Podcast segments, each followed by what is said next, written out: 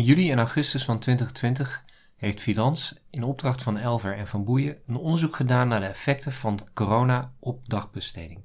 Het is natuurlijk een hele heftige periode geweest voor mensen in de gehandicaptenzorg en beide instellingen waren heel erg benieuwd hoe hun bewoners, hun medewerkers en verwanten die periode ervaren hebben.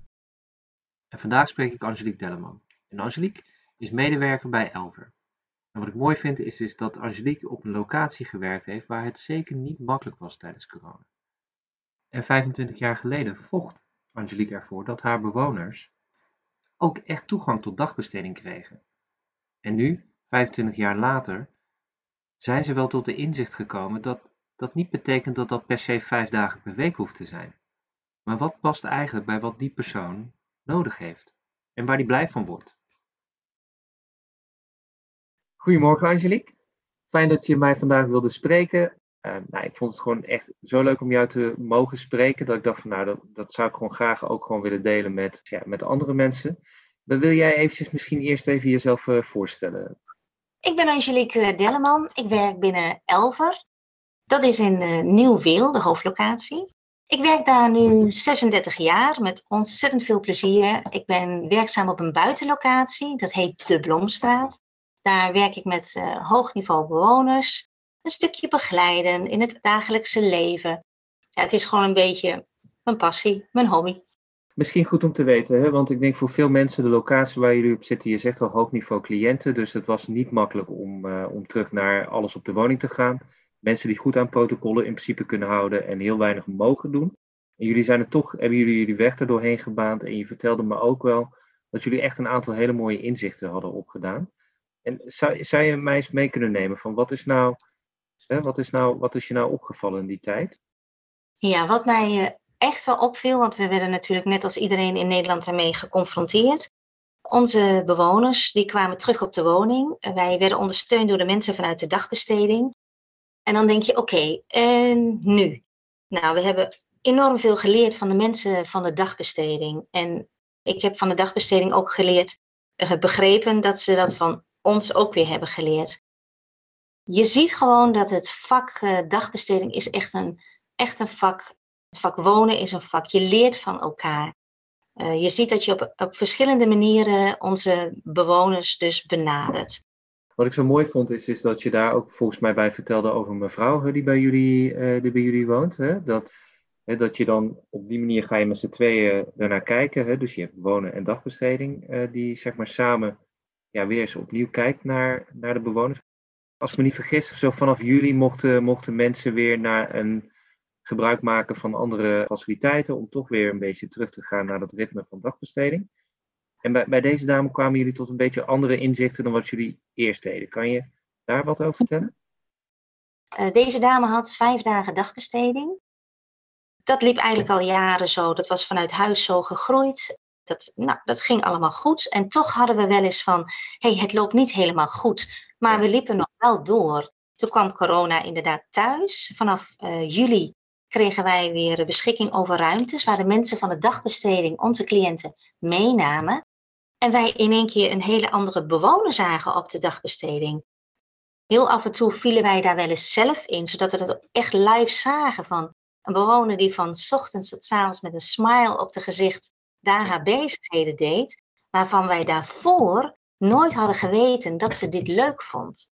We kwamen er ook achter dat, de, als we het dan over deze bewoner hadden, die had in het verleden vijf dagen dagbesteding.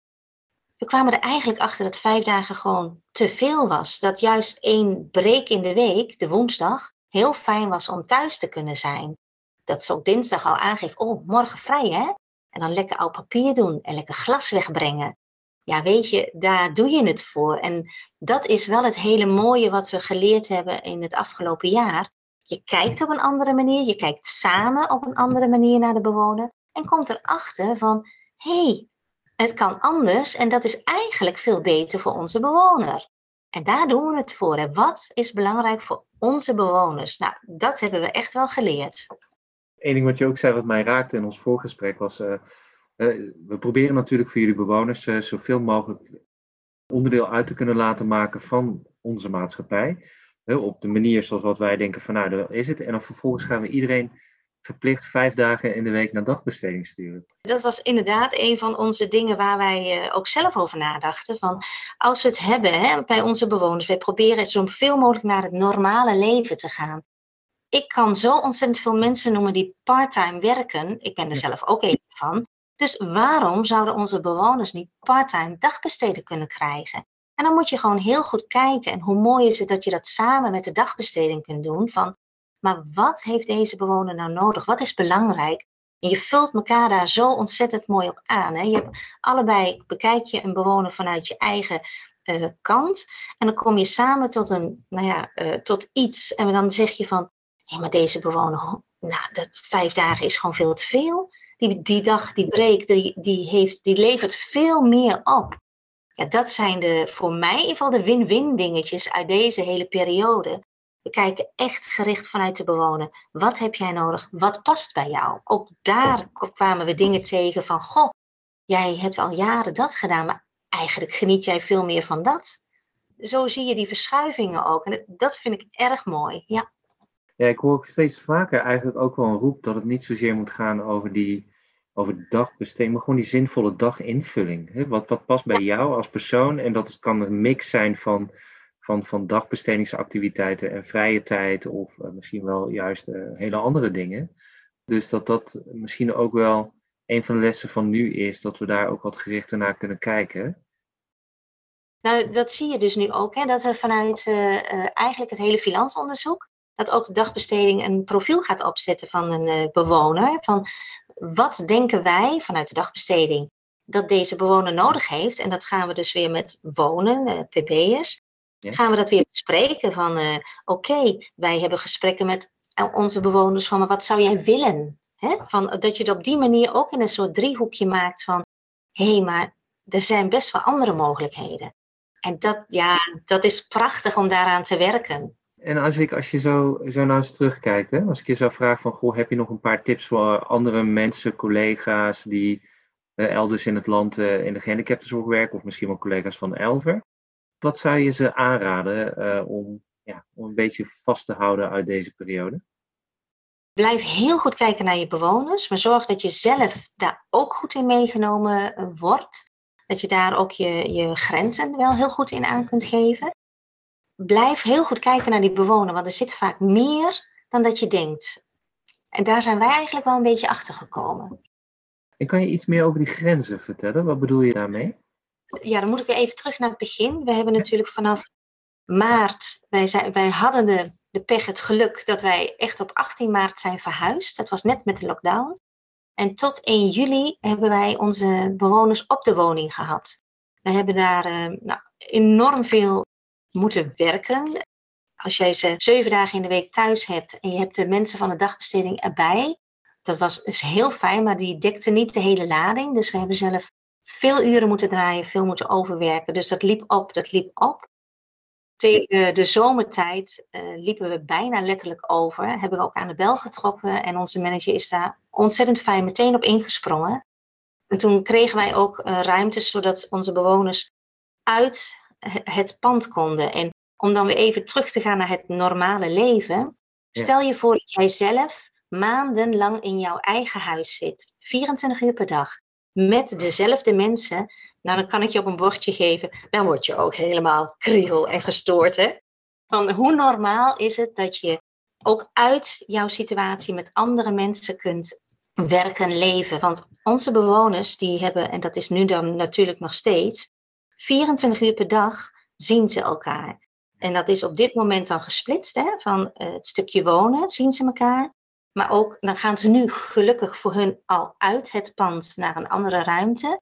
Maar ook daar zien ze elkaar. Dus straks, en daar werken we natuurlijk naartoe, en dat heeft natuurlijk allemaal met corona te maken, gaan we weer naar het normale leven, dat hun sociale leven ook wat breder wordt. En geleidelijk kan dat, want ook activiteiten worden kleinschalig weer opgezet. Hè? Dus ze zien alweer meer.